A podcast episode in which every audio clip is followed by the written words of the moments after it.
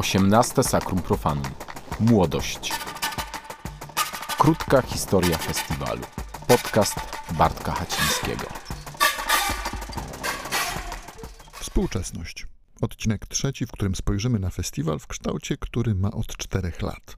Bo wiemy już, że nie zawsze był taki sam. Ten festiwal się zmieniał, a ja się zmieniałem razem z nim. Więcej nawet, ten festiwal ciągle ewoluował. Ewolucja i nieustanna zmiana jest wpisana w kod genetyczny Sacrum Profanum.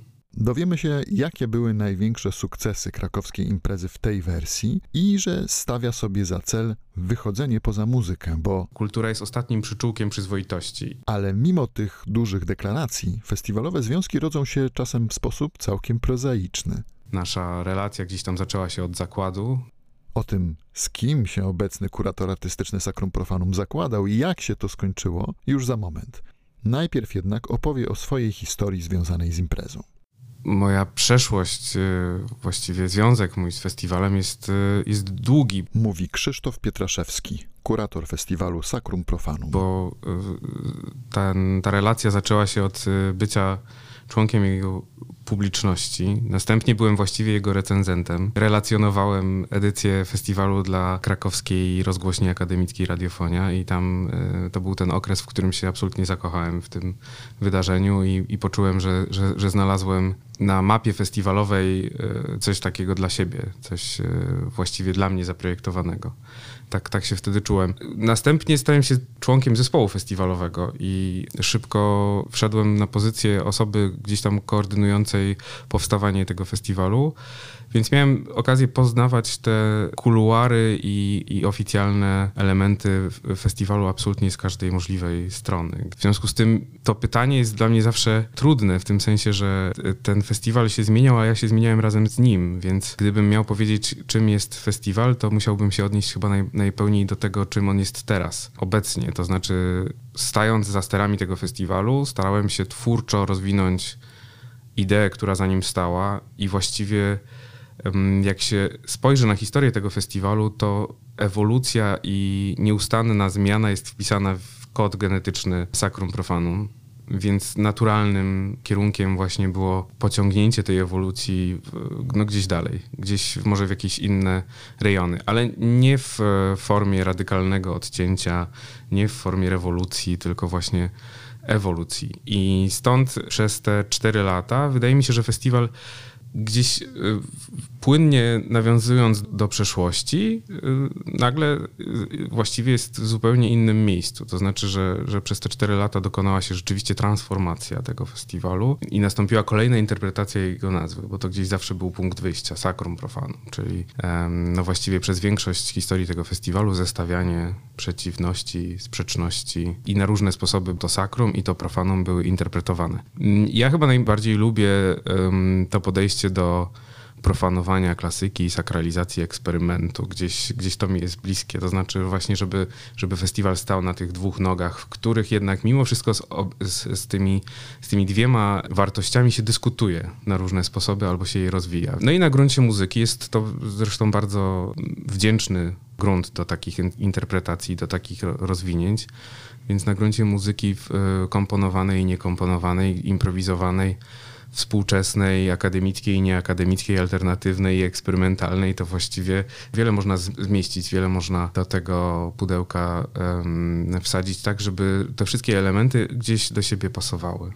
No właśnie, określenie Festiwal Muzyki Współczesnej, ono jest archaiczne w jakimś stopniu. I zgubne często. W sensie jest bardzo często niezrozumiałe. To jest, to jest coś, co odkryłem y, stosunkowo niedawno, że to jest termin, który osobom nie, nie słuchającym tej muzyki właściwie niewiele mówi, w sensie wprowadza je w błąd dosłownie, bo te wyobrażenia o tym, czym jest y, Festiwal Muzyki Współczesnej są różne. Zresztą na, nazwa y, festiwalu też w, w interpretacji tego rozwinięcia nie pomaga. I właściwie, no tak, no trudno też, y, trudno też traktować ten termin poważnie, w tym sensie, że ono, ono zawsze jest gdzieś niedoskonałe. Festiwal Muzyki Nowej też było, te, te, te, te, też jest niepozbawiony wad, więc y, rzeczywiście definiowanie tej tożsamości nie jest proste. Ale jeśli chcemy je sprowadzić do, do prostego, krótkiego zdania. Natomiast jeśli, jeśli już możemy pokusić się o opis, robi się, robi się o wiele łatwiej, ale to z kolei nie jest współczesne mówienie opisowo o, o, o wydarzeniu.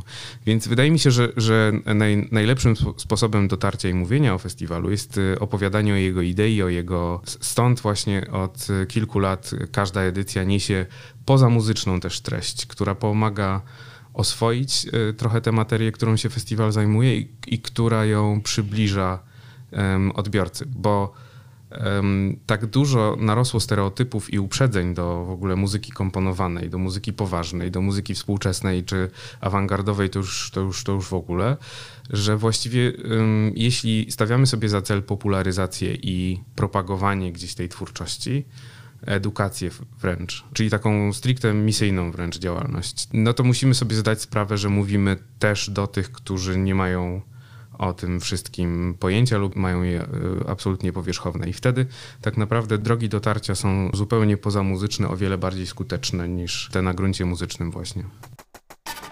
Przejąłem festiwal na przełomie 2015-16 roku. Festiwal wówczas jednorazowo właściwie, mam takie wrażenie, skręcił bliżej muzyki pop na gruncie muzyki współczesnej, bo to też jest nie, nie, niełatwe do określenia, czyli wszelkiego rodzaju nurty indie classical i, i, i takich romansów właśnie e, twórców bardziej alternatywnych z, z muzyką komponowaną właśnie w tej edycji ostatniej Filipa Berkowicza miał miejsce po y, zresztą konsekwentnie wcześniej budowanej drogi E, festiwalu po edycjach narodowych. No i nie, nie próbując się odcinać od tej, od tej historii, tylko chcąc e, rozwinąć e, tę ideę festiwalu, pomysł na ten festiwal i szanując też aktualną wówczas publiczność festiwalu, nie chciałem jej też pozostawiać bez oferty dla nich, bez, bez koncertów, bez programu dla nich. Stąd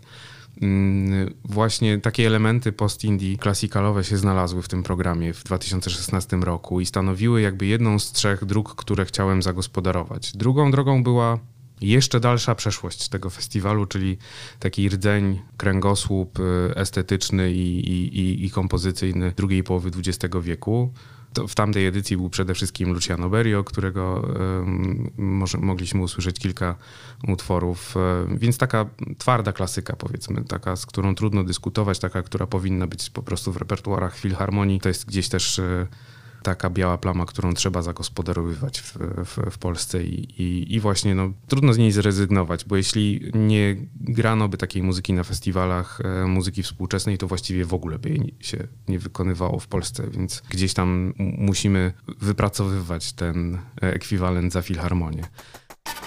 Pomysłem na ewolucję było połączenie tych dwóch e, nurtów w jednym, właśnie w, w imię też łączenia sakrum z profanum, a jeszcze rozwinięciem tego było dołożenie trzeciej drogi. No i tą trzecią drogą zawsze było coś, coś alternatywnego. To znaczy, jak spojrzymy na, na, na historię, coś, co było trzecie, trzeci obieg, czy trzecia fala i tak dalej, to zawsze była jakiegoś rodzaju kontrkultura, czy, czy coś w opozycji więc mógłbym powiedzieć, że to była klasyka w opozycji, nawiązując do Rock in Opposition w jakimś sensie. Czyli to była wszelkiego rodzaju muzyka nieakademicka, którą właściwie akademie nie powinny wykluczać. To jeszcze ja lubię na to w ten sposób spojrzeć, że to jest twórczość osób, które często mają rodowód akademicki lub też nie mają, bo, bo świadomie z niego zrezygnowały, ale właściwie ich twórczość nie powinna być ignorowana przez czy to akademię, czy, czy muzykologów i nie traktowana z góry, czy, czy, czy, też jakoś e, jako nurt poboczny. Mówię tu o wszelkiego rodzaju eksperymentach muzycznych, które trudno też nazywać awangardą, ale gdzieś tam to zawsze jest pojemne określenie. To, to dla mnie też zawsze jest e, muzyka improwizowana i, i też e, w formie swobodnej improwizacji. Coś, czego na tym festiwalu do tej pory nie było, a coś, co wydaje mi się bardzo dobrze uzupełnia estetycznie właśnie muzykę, muzykę współczesną ściąganie do Polski zespołów e, najwyższej klasy wykonujących tę muzykę było potrzebne, żebyśmy mogli wszyscy zobaczyć, jak, to, jak dobrze to może działać, jak dobrze to może wyglądać. Natomiast myślę, że gdybyśmy przez te wszystkie lata, gdyby organizator, gdyby e, osoby prowadzące ten festiwal przez te wszystkie lata zdecydowały się konsekwentnie, równolegle, nawet e, na pojedynczych koncertach zapraszać um, młode zespoły, to po tych 18 latach mielibyśmy do, do czynienia z e, właśnie tej podobnej klasy e, wykonawcą, który na gruncie polskim może już e, konkurować właśnie z Klang Forum Wien czy, czy Ensemble Intercontemporain i, i, i, i tak dalej. Dlatego konsekwentnie staram się przy wszystkich edycjach, które prowadzę, zapraszać takie zespoły jak Spółdzielnia Muzyczna czy Hashtag Ensemble, które są na początku gdzieś tej drogi. Właściwie już coraz trudniej o tym mówić jako o początkach tej drogi, bo przez te 4 lata, czy w sumie 5 lat działalności spółdzielni, czy 6 lat działalności warszawskiej grupy, gdzieś te zespoły są już na innym etapie niż, niż były początkowo i wydaje mi się, że, że ta współpraca wzajemna, wzajemne wspieranie się festiwalu i tych zespołów jest e, nie do przecenienia. To jest wartość sama w sobie. Natomiast nie tylko odczuwałem brak polskich wykonawców e, w festiwalu. Myślę, że brakowało też takiego szerszego spojrzenia na dziedziny, którymi festiwal może się zajmować. E, to znaczy, że moglibyśmy śmiało e, próbować wejść na rynek, na pole sztuki współczesnej, czy, czy opery, czy, czy teatru, czy performansu i tak dalej, gdzieś, gdzieś przy tej okazji też, nie tylko rozszerzając program estetycznie i, i, i sięgając do innych gatunków, ale też po prostu do, do innych form artystycznych wypowiedzi, możemy de facto przyciągać do tego festiwalu publiczność tamtych sfer. I to jasno pokazało. Wejście do przestrzeni galeryjnych, na przykład z instalacjami czy wystawami, pokazało, e, wyszło to też w badaniach, że, że, że, że to przyciągnęło do festiwalu zupełnie inne osoby do tej pory, mm, które nie dostrzegały po prostu sakrum profanum. E, różnego rodzaju wydarzenia dla dzieci, zresztą które e, projektowaliśmy w taki sposób, żeby za pośrednictwem dzieci niejako ściągnąć rodziców e, w orbitę festiwalu, bo robiliśmy je dla absolutnie najmłodszych odbiorców od 0 do 3 lat, takich, których no, nie sposób puścić na koncert samodzielnie, podając im muzykę współczesną też w takiej formie, która pasuje dla, o, dla, dla percepcji tak młodego melomana. Takim podstępem próbowaliśmy też złapać na ten haczyk właśnie tych dorosłych, którzy chcą swoje aspiracje przekazać dzieciom, a właściwie może sami niechcący się też e, na ten pociąg załapią. No ale trzecia rzecz, trzecia misja właściwie, tak, czy jakiś cel, który sobie wyznaczyłem, no to, jest, to było dążenie do parytetów. To jest jakieś, jakieś duże zadanie, które mamy do odrobienia na wielu polach, już mówię szerzej w kraju, w, w, jako obywatele i i czuję, że, że każda płaszczyzna do realizacji tego, tego celu jest dobra. Tak, e, skoro mam wpływ na, na program, na festiwal Sacrum Profanum, to staram się te idee właśnie propagować i wspierać e, też, te, też po prostu tymi mm, środkami. Porozmawiajmy jednak o największych sukcesach, największych osiągnięciach tych ostatnich edycji Sacrum Profanum. Myślę, że te rzeczy, o których przed chwilą mówiłem, to są największe sukcesy tych, tych ostatnich czterech edycji właśnie, czyli takie zejście na ziemię, takie twarde stąpanie po, po, po, po naszej polskiej rzeczywistości, odniesienie się do niej, czyli wzięcie też um, nie tylko odpowiedzialności za właśnie prezentację twórczości kobiet e, czy polskich wykonawców, ale też e, podejmowanie różnych tematów aktualnych, społecznych, które festiwal może próbować komentować, do których może próbować się odnosić i mm, wydaje mi się, że kultura jest wciąż najlepszą płaszczyzną do tego, żeby pewne tematy oswajać, żeby, żeby pewne tematy też yy, może tak powiem, że kultura jest ostatnim przyczółkiem przyzwoitości i jakby dopóki będziemy o tym pamiętać, to, to, to gdzieś tam jest nadzieja.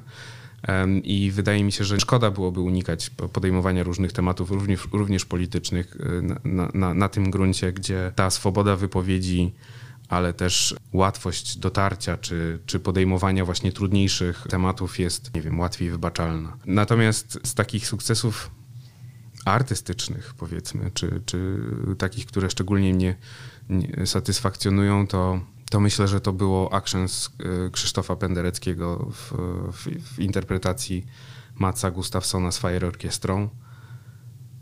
Tu właściwie historia dopisała taki rozdział y, tej opowieści, którego nikt by sobie nie życzyła.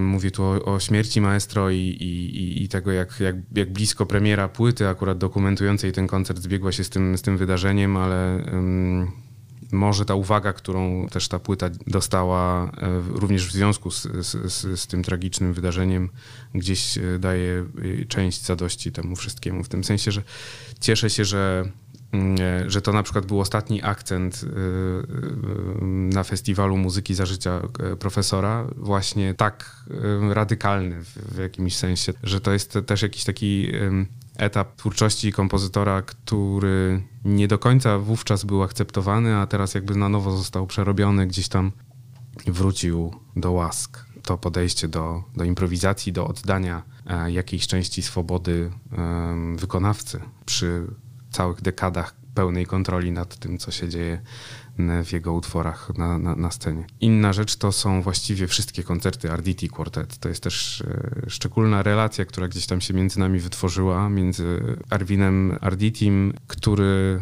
właściwie podejmie się, już, już, już wiem, bo, bo sprawdzałem, podejmie się absolutnie każdego wyzwania, jakie, jakie mu rzucę. To znaczy, to jest e, nasza relacja gdzieś tam zaczęła się od zakładu na, na pierwszej edycji, e, w której zagrali Johna Zorna, przegrałem ten zakład, ale bardzo się cieszę, że go przegrałem, bo dzięki temu y, przegraną było zaproszenie ich na kolejną edycję. Natomiast dzięki temu właśnie bardzo szybko przełamaliśmy taką barierę i pokoleniową, i, i, gdzieś tam dystans, który na początku poznawania się występuje, i weszliśmy na inny poziom tej relacji, i dzięki temu udało się zrealizować kilka takich koncertów właśnie z repertuarem polskim, czy z Juliusem Eastmanem, właśnie zinterpretowanym na potrójny kwartet smyczkowy, które i rozeszły się super na festiwalu i w, i w Krakowie zostały um, bardzo dobrze przyjęte i, i gdzieś tam mają, ma, ta, ta przygoda e, z Juliusem Eastmanem na festiwalu wciąż trwa i to jest też takie jedno z ważniejszych odkryć muzycznych ostatnich lat, jakie myślę przeszczepiliśmy tutaj do Polski. In, inną taką osobą jest pewnie Lucia Długoszewski właśnie, która to też, to też był szmat e, czasu pracy włożony w to, żeby w ogóle móc zagrać jej muzykę na nowo w, w Polsce, bo, bo, bo przez e, zbieg, szereg e, zbiegów pechowych okoliczności ten, ten materiał po prostu mógłby zostać zapomniany i leżeć w kartonach w jakimś magazynie stanu Nowy Jork, a przez to, że się nie poddawaliśmy i, i, i poszukiwaliśmy go, to, to, to, zaczął być katalogowany przez Bibliotekę Kongresu i gdzieś y, nawet y, ostatnio pojawiło się zainteresowanie wydaniem tych nut, więc świadomość tego, że przywraca się jakąś część y, twórczości y, bardzo osobnej. Też y, Długoszewski posługiwała się absolutnie wyjątkowym językiem muzycznym i, i, i we swojej wczesnej twórczości i późniejszej, gdzie ten jej sonoryzm często mylnie z amerykańskiej perspektywy był prezentowany jako rozwinięcie polskiego sonoryzmu, z którym ona absolutnie nie miała nic wspólnego. Bardziej byłoby zasadne porównywanie jej do Harry'ego Parcha, który też konstruował swoje instrumenty tak jak i ona właśnie, więc szukając absolutnie nowych, nowych brzmień to, że to się udało uchronić, uratować i pokazać jeszcze w tak krótkim czasie, to daje ogromną satysfakcję. To jeszcze raz to magiczne dziś i bardzo ważne dla najnowszej historii imprezy nazwisko nieżyjącego już i zapomnianego przez lata afroamerykańskiego kompozytora Juliusa Eastmana. Pierwsze głośne wykonania e, z, z, z, tego powrotu właściwie miały miejsce w tym samym roku, w którym, w którym zagraliśmy je w, w, na Sacrum Profanum e, w Polsce ale e, na, na, naszym źródłem był Anton Lukoszewicz, który podesłał jakieś nagranie, które jeszcze wówczas nie było zatytułowane. Słuchaj, to jest, to jest dobry kawałek muzyki. Posłuchaj tego, może poszukamy, co to jest i, i, i, spróbujemy to zagrać. I rzeczywiście, i to był fragment feminin, który później się ukazał też, te, też na płycie.